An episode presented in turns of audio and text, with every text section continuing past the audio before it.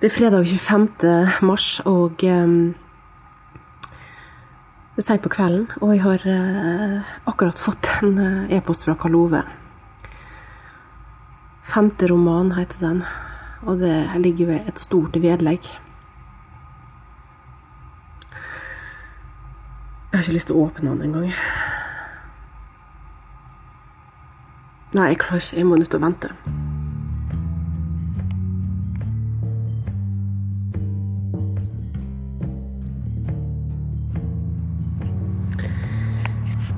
Ok, nå har det gått et par timer. Jeg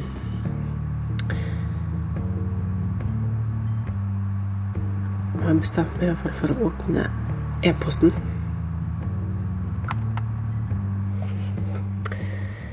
Her står det Kjære Tonje. Kjære Tonje. Nå har øyeblikket du sannsynligvis har grudd deg til, kommet. Femte roman er nettopp ferdigskrevet. Jeg legger den ved. Det eneste jeg har forsøkt å beskrive, er det lys du fylte meg med da vi ble sammen, og det mørket jeg var fylt av. Da det tok slutt. Men det er ikke bare så stort trykket har vært rundt dette. Og det er ikke lenger noe som er normalt eller lite.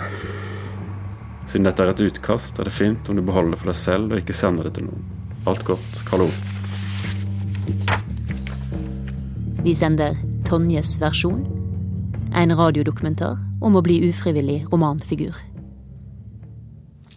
Jeg husker jeg så en eh, debatt på, på NRK1 der eh, Marta Norheim, kritiker i NRK, sa det at eh, ja, for alle dem som er skrevet om i denne romanen, og som ikke syns det er noe kjekt, så må de bare sitte veldig, veldig stille, sa hun. Og det tenkte jeg ja, det har hun, det har hun rett i. Men, men, hvorfor det? Det var den våren Min kamp 5 skulle komme ut. Karl Ove Knausgård hadde i løpet av ett år skrevet sitt liv, og det hadde gått heftig for seg. Hele Media-Norge sto på hodet. Debatten gikk høyt, og familie trua med søksmål. I Bergen satt ekskona Tonje og grudde seg til neste bok, som skulle handle om ekteskapet og skilsmissen, og der forlaget hadde lova nye høydepunkt som kom til å ryste leserne. Den her, den er fra VG. Hei, har du fått lese femmeren fra mister Knausgård? Problematisk, eller? Hun hadde allerede lest om seg sjøl i Min kamp 1 og 2, og alt var utenfor henne av kontroll. I februar sendte hun en e-post til radiodokumentaren, der hun lurte på å dokumentere sitt eget liv fram mot utgivelsen. Hva er forutsetningen for deg? Eh, I forhold til dette programmet så tenker jeg sånn at eh, det må være et samarbeidsprosjekt mellom oss. Slik at de på lik linje med det da, får eh, ansvar for hvordan denne historien skal fortelles. Jeg jobber også som journalist, og jeg vet hvordan journalister stort sett tenker da, i forhold til dette. Sant? Jeg har fått også masse henvendelser fra dem. Og jeg klandrer dem absolutt ikke. Men det er disse spørsmålene som stilles, det er hvordan har du det? Hvordan Er det helt forferdelig, eller? Jeg vil ikke ta opp kampen med han om hva som er sannhet, hva som ikke er sannhet. Hvorfor ønsker du å lage en radiodokumentar mm. om dette? Mm. Det er et sånn dobbelt dilemma, egentlig. Først er jeg fanga inn der. Og så, dersom vi forteller om hvordan det er, så blir jeg fanga på nytt. Og dette er min vei ut, tenker jeg. sant?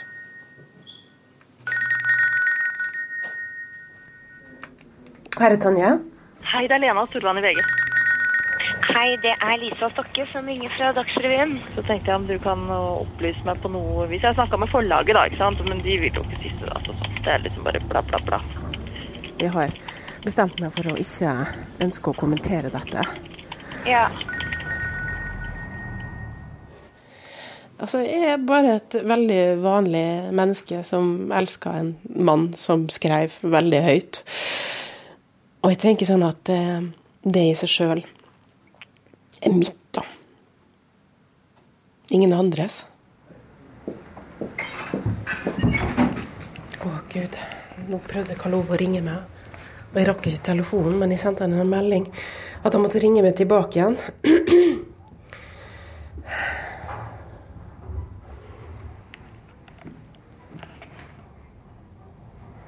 Hva skal jeg si, da?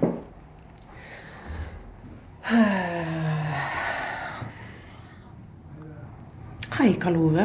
Jeg er en gang med en radiodokumentar.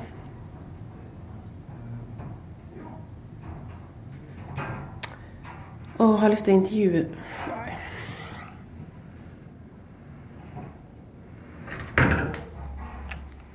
Ok, skal jeg ringe det, da?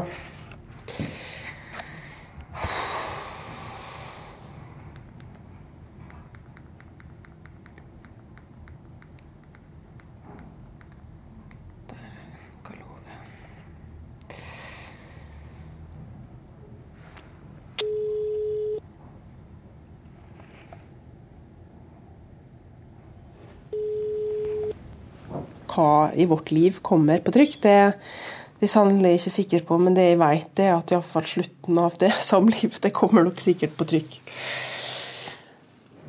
Det er tidlig mars og snøsmelting.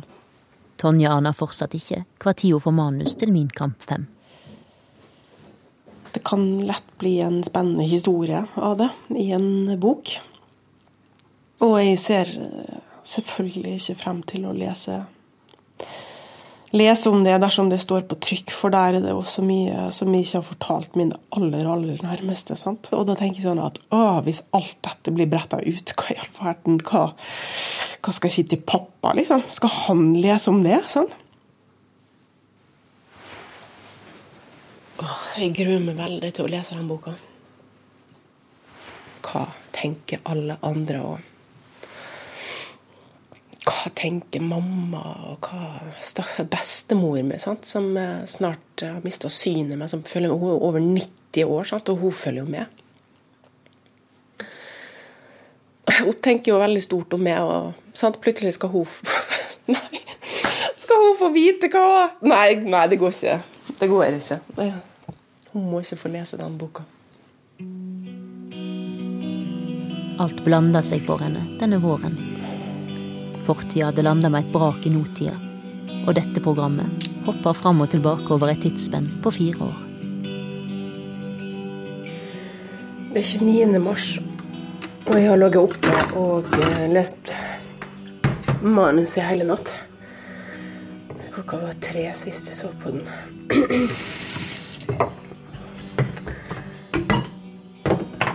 Jeg har lest starten om livet vårt, og jeg syns det var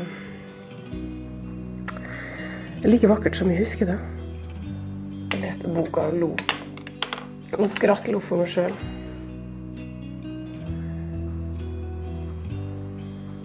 Ja. Jeg husker tilbake igjen på hvordan det var den gangen. Det var fint, da. Akkurat nå så klarer jeg ikke å reflektere over at det her skal ut i verden, og hvilke konsekvenser det skal få. Akkurat nå så lever vi bare en liten boble der, jeg tenker. På hvordan ting var, da.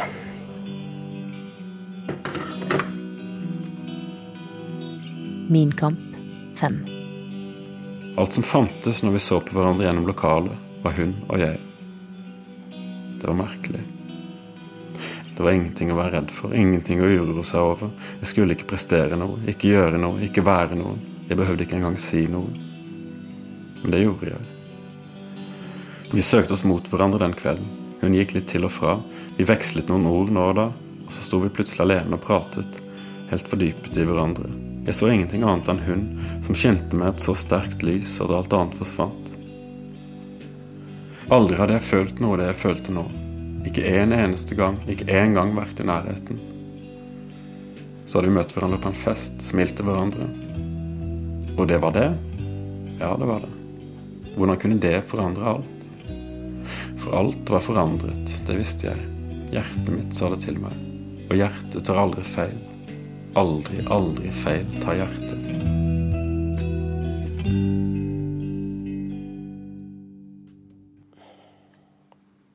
Det, altså, det er lenge siden jeg har truffet Karl Ove. Sist gang jeg traff Karl Ove, var ca. fire år siden på Festspillene, da han var i Bergen for å lese.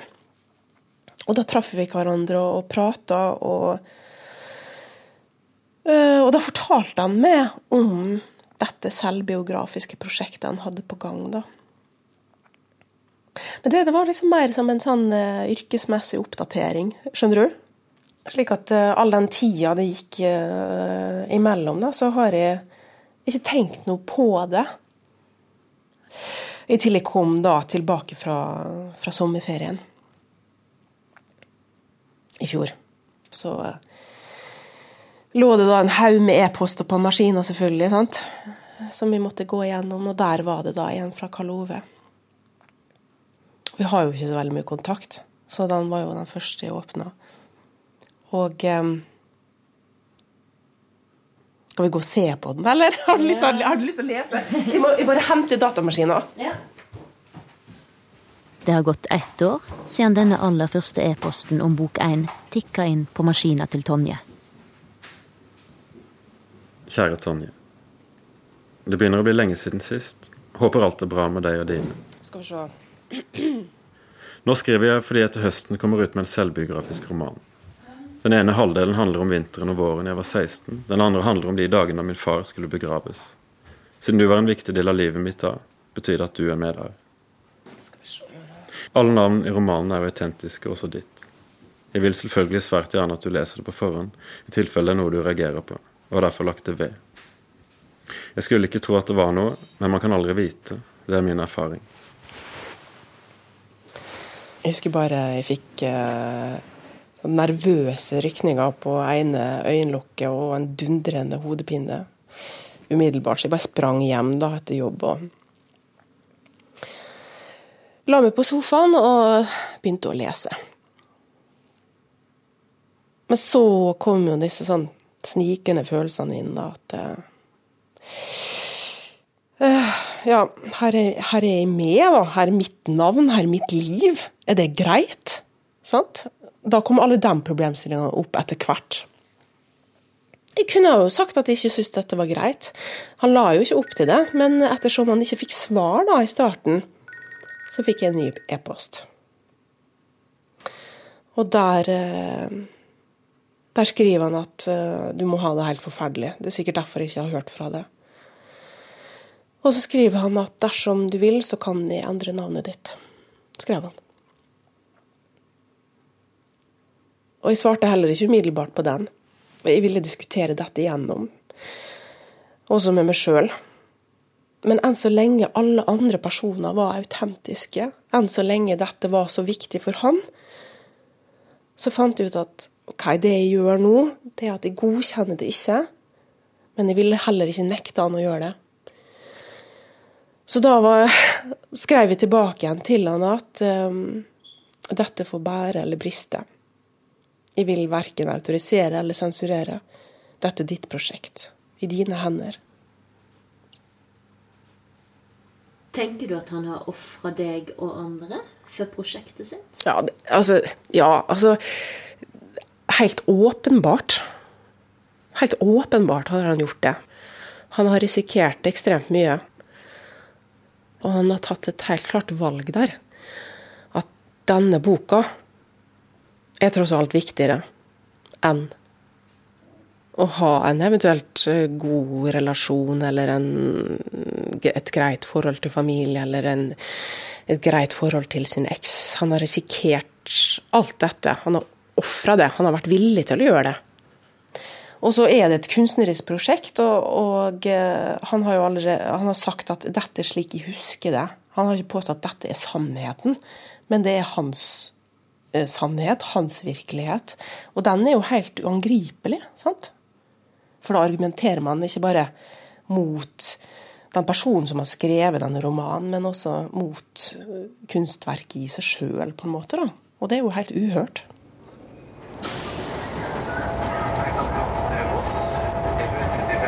Bergensbanen 16. mai. Det er tre uker til Min kamp 5 kommer ut. Vi er på vei til Voss for å besøke Karl Ove. Han er på besøk hos Yngve og skal skrive ferdig nummer seks. Bind nummer seks. fire år siden jeg har truffet henne sist nå. Og det hadde sikkert gått fire år til, minst. Dersom det ikke hadde vært for denne boka, da. Jeg føler at når jeg er dratt så dypt inn i det, og det har blitt så stor oppmerksomhet rundt det, og det er så mange som ønsker å få svar ut av meg på hvordan jeg opplever det hele, så tenker jeg sånn at det kunne vært greit å vite hva han tenkte også, da. Nå har han på en måte skrevet oss sammen igjen, og det er så mange spørsmål jeg sitter inne med. Som jeg håper Jeg håper virkelig at jeg kan, kan få noen svar, da. Slik at det blir litt klarere for meg.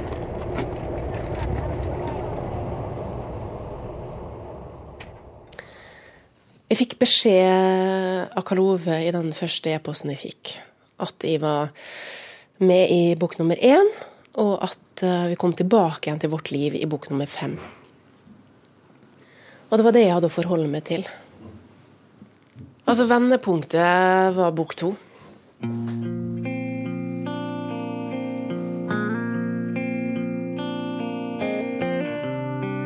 Min kamp 2.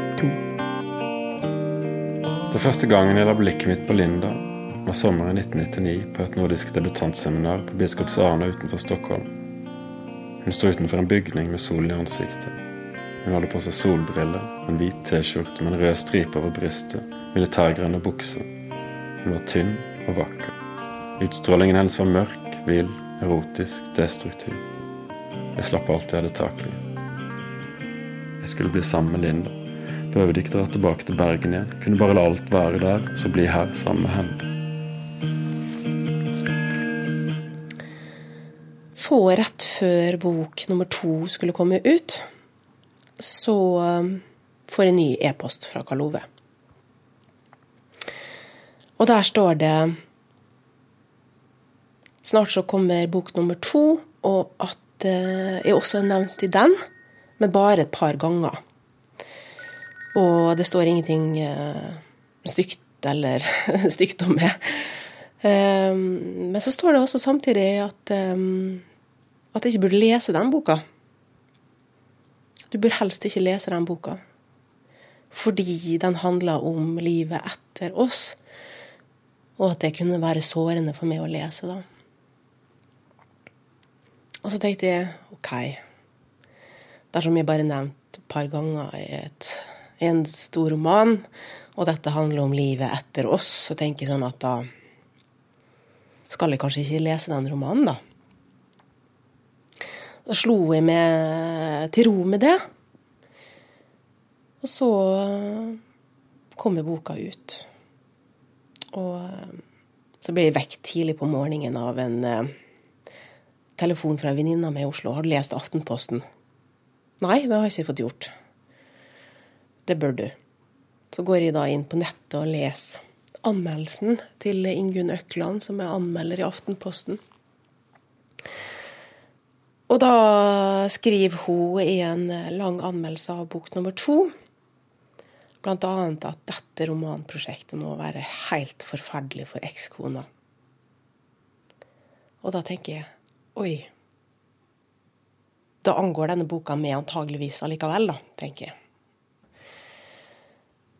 Men øh, jeg veit jo ikke hva det her handler om og dreier seg om, og umiddelbart så begynner jo da telefonene øh, fra journalister å ringe. sant? Hva syns du? Eh, om å bli en romanfigur, og hva Hva tenker du om det? Og jeg veit ingenting. sant? Jeg veit jo ikke hva som står i denne boka. Jeg følte meg helt Altså, det var en så utrolig vanskelig situasjon å komme i, syns jeg. Så det jeg er nødt til å gjøre, da, det er å gå bort på bokhandelen og stå i kø og kjøpe den boka. Jeg husker bare, jeg syns det var så forferdelig pinlig. Jeg håper ikke jeg treffer noen jeg kjenner nå. Nei, det, det syns jeg var tøft. Og så blir det en ny leseprosess. Og jeg har jo ikke bare nevnt et par ganger, jeg har nevnt mange ganger i den boka. Selv om jeg ikke er noen nærværende figur, så går jeg igjen, da. Gang på gang på gang. Nå plutselig så er det sånn kjølig, distansert blikk, da. på vårt samliv. Det jeg syns kanskje var vanskeligst oppi det hele, det var å, å måtte lese en hel del ting som har skjedd mens vi har vært gift, som ikke sjøl visste om engang, som kommer på trykk i bok to. Og det er rett og slett at eh, at han eh, ble forelska, da, i den, eh, denne jenta som seinere ble hans kone, lenge før vi gikk fra hverandre. sånn. Det visste jeg ingenting om. Men dette ville da han at alle andre skulle lese, sant? men han ville ikke at jeg skulle lese det. Skjønner du? Og en ting er at Han da tok et valg, altså han hadde tatt et valg på vegne av meg med å bringe meg inn i en roman. Sant? Og gjøre meg til romanfigur. Og så skal han også velge at jeg ikke skal lese romanen i tillegg. Sant? At alle andre skal få vite, men ikke jeg. Det er kanskje det største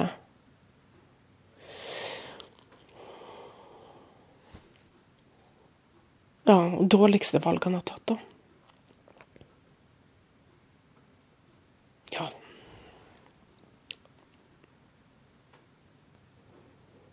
Da kjenner jeg at det blir litt sånn ah. Forbanna eks. Skjønner du? Og når journalister ringer meg, så er det liksom Å, hvor forferdelig du må ha det. Og, og dette må være grusomt for deg, Tonje. Så er det nettopp akkurat det, da. Sant? Folk forventer at eksen skal si og mene, og jeg har liksom kjempa mot det hele veien.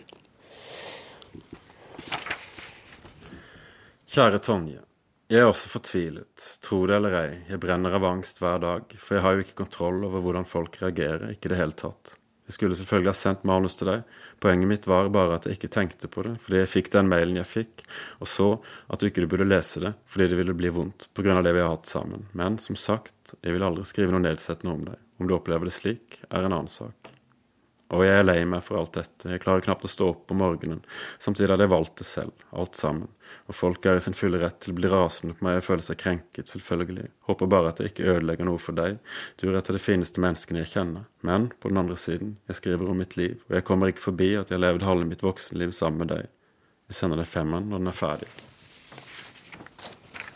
Men det er klart at det har blitt utrolig mye samtaler om eksen her i huset. Og eh, jeg tror, ikke, jeg tror, ikke, jeg hadde takla det like godt som, som samboeren min takla det, for å si det sånn. da. Alt har vært ute av mine hender. altså Blikket på meg og vårt forhold og mitt tidligere liv er totalt ute av kontroll. da. Det er liksom eh, Karl Ove som skriver sin versjon, og det er den som kommer til å bli den sanne, og det er den som kommer til å bli stående. sant? Ekstra provoserende, syns de, det var da at eh, Berdal, forlagssjefen, eh, gikk ut både i Dagbladet og på Dagsrevyen i et intervju etter bok nummer to. Og nei, her har alle involverte de har fått lest manus og godkjent det. Det er hans beskjed i all offentlighet. Og det stemmer jo ikke. Jeg hadde ikke fått lest boka. Sant? Jeg hadde fått beskjed om å ikke lese den boka. Og da tenker jeg at det minste et forlag bør gjøre når man har et sånn kontroversielt prosjekt på gang, da, det er å ha kontroll med hvem som får manus til gjennomlesning. Så da skrev jeg en e-post til eh, forlagssjefen i affekt. Og så går det noen, noen dager, så får jeg svar fra Berdal. Han ringer meg tilbake igjen. Der han eh, sier at denne e-posten har eh, gått inn på han. Men så kommer det da også frem i løpet av samtalen at forlaget har ikke kontroll med hvem som får manus. Det er det Karl Ove sjøl som bestemmer. At ikke dette klareres fra forlaget sin side, det syns jeg er utrolig svakt.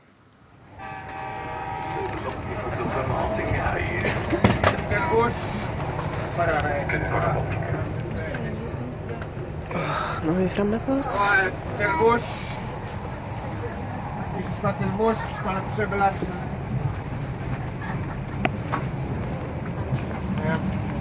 Vær så god. Du skal til Voss?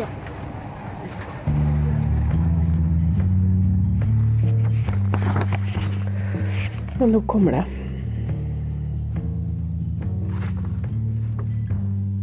Her inne i passasjen om at han lengta seg bort. Det er 28. mars. Natt. Tonje ligger under dyna og leser manuset til Min kamp 5. Jeg lengta seg bort til noe annet. På nettene når jeg var ute, ble den lengselen etter noe annet det eneste som fantes. Jeg kunne gjøre hva som helst, og til sist gjorde jeg det.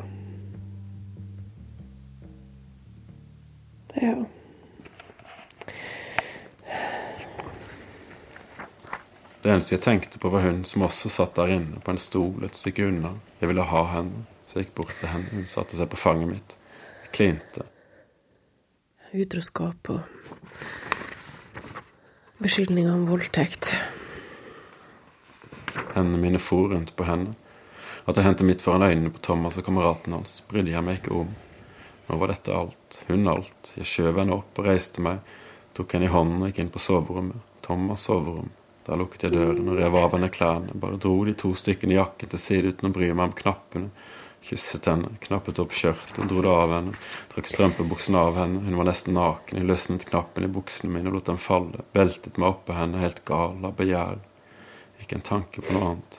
Jo, et eller annet sted tenkte jeg at jeg vil dette, og at jeg gjør dette. Det er jeg som vil det, hvorfor skal jeg ikke gjøre det?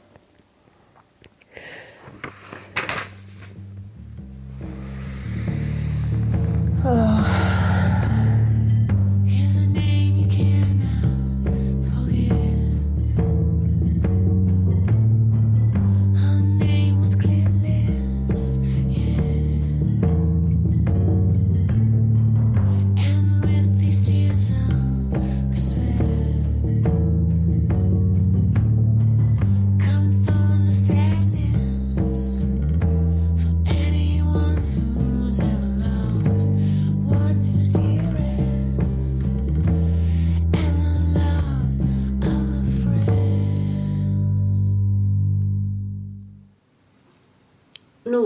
Du møte Karl Ove. Mm. Mm. Ja, det, det, jeg har mange spørsmål, da. Det har jeg. Jeg er fremfor alt liksom spent på å bare treffe han òg. Fordi plutselig så er vårt liv igjen veldig nært. Det har vært så fjernt så lenge. sant? Det har det. Og nå er det plutselig oppe i dagen igjen. Som om det var i går. Det er jo snart ti år. Altså. altså, jeg har en klar intensjon med å konfrontere han med det vanskelige. Det har jeg. Og jeg ønsker at han skal kjenne litt på det. Det gjør jeg. Men altså, det er ikke noe det, det, det er ikke hevn som, som eh, tvinges frem her. Altså. Det, er ikke, det, det er ikke det som er ambisjonen. Jeg har bare et virkelig stort behov for å forstå, og få han også til å forstå da, hva dette har satt i gang hos meg. Jeg vil se han i øynene. Og jeg vil at han skal se meg i øynene også. Og fortelle meg. Og så har jeg et dypt og inderlig ønske om å gå ut ifra det møtet og forstå og fullstendig akseptere. Skjønner du? OK, det var sånn han tenkte, og derfor så måtte han gjøre dette. Og så kanskje falle til ro, da. Etter at Tonje har lest manus til bok fem, inviterer hun til venninnemiddag. Hvem tenker på det når du er sammen med noen, at plutselig en dag våkner du opp og så bare Nei, vet du hva, jeg skriver bok om deg. Nei, hvor det går. Det er jo ikke greit. Det er jo ikke greit. Alle hadde jo fått panikk, Tonje. Det er jo helt naturlig å få at panikk. du var sammen, når du var sammen med liksom, en forfatter, at det kunne skje? Nei, vet du hva, det hadde jeg aldri tenkt. Aldri, aldri, aldri. Ja, men jeg husker en gang, altså helt før han debuterte, sånn, når han prøvde å skrive, så skrev han en liten novelle om der jeg og han var på akvariet. Og de var også misfornøyd med at han, eh, at han kasta han, og jeg var veldig sår for det. For da, da, da tenkte jeg at dette var en liten sånn gest til meg privat. En liten En liten velle. For ode. En sånn, ja, sånn fint bilde av en tid. Skjønner du? Du sa en gang at eh, nå har han vært sånn deppa kjempelenge for han ikke får til å skrive, og du har gjort alt for å gjøre han glad igjen, og liksom virkelig prøvd å oppmuntre han. Og så plutselig så var han kjempehappy, da. Uten at det hadde noe med deg å gjøre, for da hadde han plutselig fått hull på bilen og begynt å skrive. Og jeg har tenkt så mye på det, for David har jo alltid sagt at han, vil, han har sine skriverier. og sånt. Så tenkte jeg bare for guds skyld! Det må bare ikke liksom bare, jeg tror det, det, det er jo like egoistisk som Det har jeg tenkt, faktisk. At sånne typer de er like egoistiske som toppidrettsutøvere. At de bare mi, mi, mi, mi, mi. Ja, se, Det er helt glemt, men det er med i boka. Jeg husker også at du, du sa at han drev og skrev om natten, og så måtte han legge sånn håndkle under maskinen, eller skrivemaskinen for at du skulle få sove for du skulle på jobb. Sitte liksom der Er du glad for at Inger ikke skriver? Ja, det var sånn kriterium for nestemann. Så Kan Har du skriveambisjoner? Ikke det? Ok. Hvordan føles det nå, da? Etter at du har lest den? Nå har jeg fått litt avstand til den boka. Ja. Og det er jo klart, altså den, den er både vakker og fryktelig stygg. Men så er det jo klart, altså det kommer jo disse juicy historiene på slutten som forårsaker um, skilsmisse og sånn. da. Og det er jo sånne historier som veldig, veldig få vet om. Altså det Ja. er sånn Veldig privat. ekstremt privat. Altså det er bare kanskje to-tre personer i hele verden som vet om det. Sant? Så jeg, og det var helt forferdelig. Vet du hva jeg måtte gjøre da? Jeg hadde besøk av faren min for noen uker siden. Og da hadde jeg lest det, og jeg visste at her, disse historiene kom ut i verden snart. Og jeg måtte, jeg måtte fortelle han om det. skjønner du? Det er sånne ting du ikke forteller far din om i det hele tatt. Jeg måtte sette meg ned og si 'Hør her, pappa. Snart kommer bok nummer fem'. Og der kommer det frem noe informasjon som ikke du vet om, men som jeg gjerne vil kanskje at du helst skal høre fra meg først. da. Men jeg hadde aldri, aldri, aldri fortalt han det dersom Sånn er jeg. Tre veker tidligere. Se her da, pappa. Det her er bare en, en brøkdel av manuset. Skjønner du? Hvor mange sider er det? Nei 550 cirka. 500, ja. Det kommer jo frem noe i den romanen som ikke du veit om heller, da. Som ikke har fortalt det. Mm, ja, ja. Mm. Og det synes jeg det er kanskje det mest ubehagelige med det hele, synes jeg. Fordi at um, Jeg blir da på en måte Jeg føler, jeg, jeg føler at du bør vite, få vite det før det faktisk alle andre, da. Ja. Ja. Hvis du skjønner? Ja. Ja, jeg, ja, jeg syns det. Ja. Fordi at etter denne etter den utroskapshistorien så levde jo vi jo sammen en tid, sant? men det var jo tungt, da. Mm. Og eh, det endte jo med at jeg også var utro, da, en gang. Mm. Mhm. Og eh, Ja. Og, og det var i et, etter, den, etter den episoden at vi snakka sammen og fant ut at vi At vi måtte stoppe der, da. Mm. Akkurat. Men jeg tenkte det at eh, siden det er mange av Sikkert mange av dine kollegaer og venner og, eller sånn som leser romanen, så syns jeg Jeg synes det Jeg ville iallfall at du skulle vite akkurat det, da. Og det er ikke noe jeg er stolt over, og Nei, nei, ville helst ha på en måte Nei, men det Men det er sånn at jeg vil ikke at min egen far skal få vite om det i en bok, fremfor at mm. Mm. Torsdag 10. juni. Anmelderne har fått Min kamp 5. Jeg vet ikke om jeg orker mer nå. I dag er jeg hjemme fra jobben.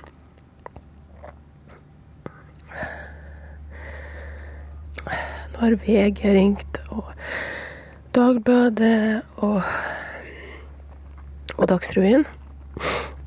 Eh, alle lurer på om jeg har lyst til å kommentere disse voldtektsanklagene, da.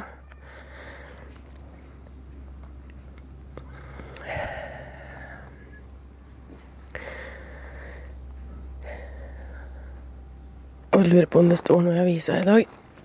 Jeg har kjøpt den. Ingenting på forsida, iallfall. Ingenting i VG i dag. Ikke i dag heller. Ja, ja kommer det kanskje i morgen, da.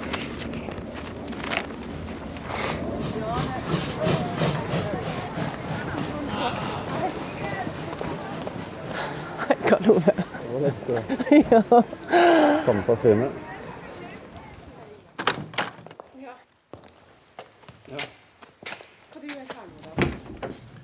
16. mai. Tonje møter Karl Ove hos bror hans på Voss. Syns du det er ubehagelig at jeg sitter her? Ikke at du sitter her, men at vi prater om dette er ubehagelig. Nei, men at, jeg, at jeg, jeg har gjort noe som ikke er bra for deg. Hvordan var det da å Når du skulle begynne på den historien, hvordan var det for deg å skrive om den? Skrive om oss. Ja. Det var Det var, var veldig fint og veldig sørgelig. Som Særlig fordi at jeg går inn og beskriver forelskelsen så øh, Forsøker å, å beskrive hvor intens den var. Da, da kommer du tilbake på en måte. ikke sant? Sånn er det jo. Men det er alt det der er dobbelt. Det er trist fordi at det var lada som en framtid og muligheter oss to i vår framtid. Men det er ikke trist fordi vi har en annen framtid. Nå er vi et annet sted. Ja. Vår egen familie. og sånt. Mm. Jeg opplever på en måte at det er en stor motsetning mellom den tonen du har Mm. få med også når vi sitter her og snakker, da, og det du faktisk gjør. Mm. Sant? Det er jo det. Det ligger en helt annen hensynsløshet i det jeg gjør enn Og det er jo det som har vært Dette året for meg har jo vært det. Den her utrolige Jeg vil Jeg vil skrive om meg sjøl, ikke sant? Om dette. Eh, og gjør det så hensynsløst som mulig mot meg sjøl. Men hadde jeg kunne skrevet om bare meg sjøl og ikke en et andre, så ville jeg gjort det, selvfølgelig. Men jeg sa Jeg snakka nettopp med Jeg fortalte om det prosjektet til eh, en amerikansk redaktør. Da, da sa jeg det at eh, jeg har egentlig solgt min sjel til djevelen. Da. Det er sånn det føles. For jeg får jo en så veldig belønning også. Hva slags belønning, da? Penger, berømmelse. Alle dører står åpne. Men hva du tenker om det at familien reagerte sånn? Nei, det var um, Det var en slags eksistensiell krise. Jeg tror jeg satt på telefonen og pratet med folk omtrent fra jeg sto opp til jeg la meg. Bare for liksom å prøve å håndtere det på en eller annen måte. Hva var dette for noe? Hvorfor gjøre dette? Kan jeg gjøre dette? Og så videre og så videre. Da. Men forstår du eh, reaksjonene deres? Ja, så klart.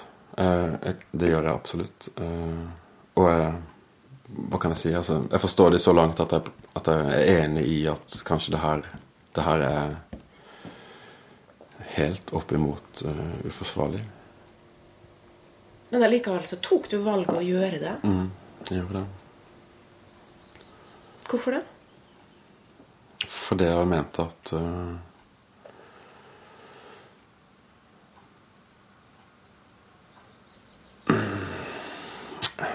mine motiver var gode. Virker for meg som en veldig enkel forklaring. da, sant? Altså, du, Ja. sier, ja, du sier altså Slik kunne de ha reagert. Altså, De kunne reagert med å si at dette er litteratur, dette er hans blikk, dette er hans historie, ikke våres, f.eks. Mm. Men, men det er jo mer enn litteratur, det her. Det er ikke bare litteratur. Nei, nei, absolutt, sant? absolutt, det, er, ja, det, sant? det har blitt et del av nyhetsbildet. Ja, ja. Det er noe som har skjedd. Absolutt. Altså Det er en historieskriving, og det er du som skriver historien. Og du får forbeholdt deg den offisielle versjonen av den òg, fordi at de andre aldri vil kunne ha fortalt den. Nei.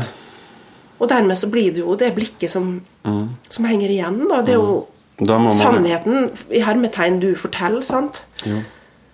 Men da må man jo spørre seg hva er det jeg forteller som er forferdelig? Og, og hva Det er jo der på en måte selve muligheten til dette, eller min berettigelse til å gjøre dette, er at jeg mener at jeg ikke forteller noe som er forferdelig, eller noe som er ikke tåler dagens lys, bortsett fra det med min far. Da. Og det er min far. Ja, men det er ikke bare snakk om forferdelig eh, kontra fint her. Det er bare at du gjør det òg. Mm. Ja. Du, tar, du tar en ganske stor del av mitt liv da, og offentliggjør det og fortelle det til alle andre. Og jeg, jeg har jo for så vidt ingenting jeg skulle ha sagt. da. For det, det, altså det er ditt blikk, og det uavhengig av om det er en eh, forferdelig eller en flott historie. For det slik jeg ser det, så er det begge deler, da. Mm.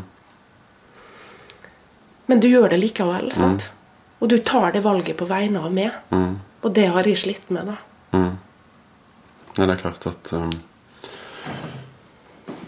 At det ligger et ikke så lite element av uh, utnytte andre mennesker da, i dette.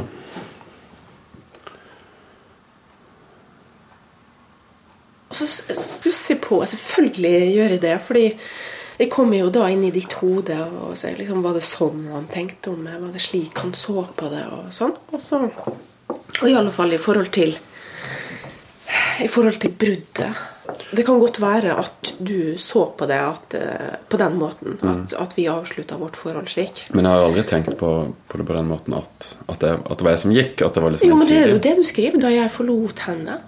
Ja. Da jeg dro fra Tonje, og hun gråt på perrongen. og sant? Altså, saken er den at jeg syns veldig synd på meg sjøl, og det er veldig mange andre som syns synd på meg nettopp pga. det. da. Altså, Jeg fremstår som den forlatte. Akkurat. Ja. Slik opplevde jeg ikke i det hele tatt. da. Jeg opplevde at det var At jeg ønska ut. Ja. Og at mitt utroskap var bare et endelig punktum for det. Ja. Og det er ikke Dette er jo selvfølgelig sånn forfengelighetshensyn, da. Altså, Men eh, konsekvensene av måten du skriver det på, har tenker jeg fører til at mange, mange ser på meg som et offer. da. Ja, det er jo Ja. forferdelig.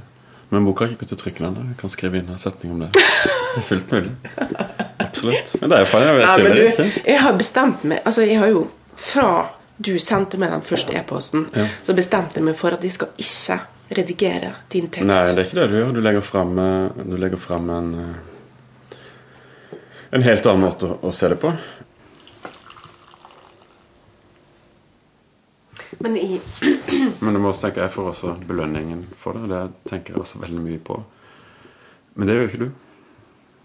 Fins ingen Nothing in it for you, liksom. Ja, jeg har fått status da, som X, sant? Ja. Jeg har aldri vært X i noen sine øyne. Men plutselig er det både for familie, naboer og kollegaer og sånne ting, så er det liksom Oi, der går eksen til Knausgård. Sant? Nei, det er helt uh... Etter å ha lest bøkene så tenker jeg sånn Nå, nå skriver du ut alt gørra sant, i ditt liv, og du skriver ut alt. Det skal ikke etterlates et eneste privat område som du kan ta igjen på en måte i litteraturen. da. Er, det, altså, er det sånn at dette, når bok seks er ferdig, så aldri, aldri, aldri mer? Sånn er det. Når har du tenkt å sende dette? Vet du det? Nei. Hvorfor det? Nei, jeg bare tenkte på når du sier det, må ta ut alt. Og... Så den siste setningen av boka skal være nemlig i 608 um, Så jeg reiser meg fra skrivebordet, går ut Setter meg ned på en kafé der før jeg skal hente barna på dagis. Og nyter tanken på at jeg ikke lenger er forfatter. Skal du gi det? Handler, denne boka handler også om hvordan jeg ble forfatter, og alt, alt det der som jeg har holdt på med, som, som har vært så monomant. Og, og eh, egentlig vært en belastning for alle jeg har vært sammen med, og alle omgivelser og barn og alt. Og nå er det her på en måte bare blitt for større i det gigantiske. Da, så. Men jeg tenker jo også på barna mine, eksempel, som er med her. Ikke så mye på at de er med, for de er med mye i sin alder og sin de som barn, på en måte. Men at de får vite alt om meg. Mm. De 16 kan få vite om uh, når jeg onanerte første gang, eller når jeg var ute og drakk. og alt Ja. det som uh, Ja. Det ligger der, det også.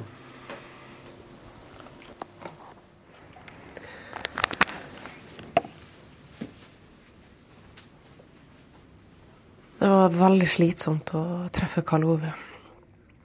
Og en kraftunstrengelse uten like. Ikke bare for meg, men for han også. Han så veldig sliten ut etterpå. Og ikke føler meg spesielt klokere heller, fordi eh, på den ene sida så har han veldig dårlig samvittighet overfor meg. Fordi han har gått langt i å bruke mitt liv i sin bok. Men på den andre sida så var det så viktig for han å bruke dette livet og dette navnet for å fortelle sin egen historie. Og at når alt kommer til alt, så er det skrivinga som er det viktigste. Da. Og det er slik jeg husker det, og det er slik han er for meg, da. Hensynsløs, men eh, med fryktelig dårlig samvittighet.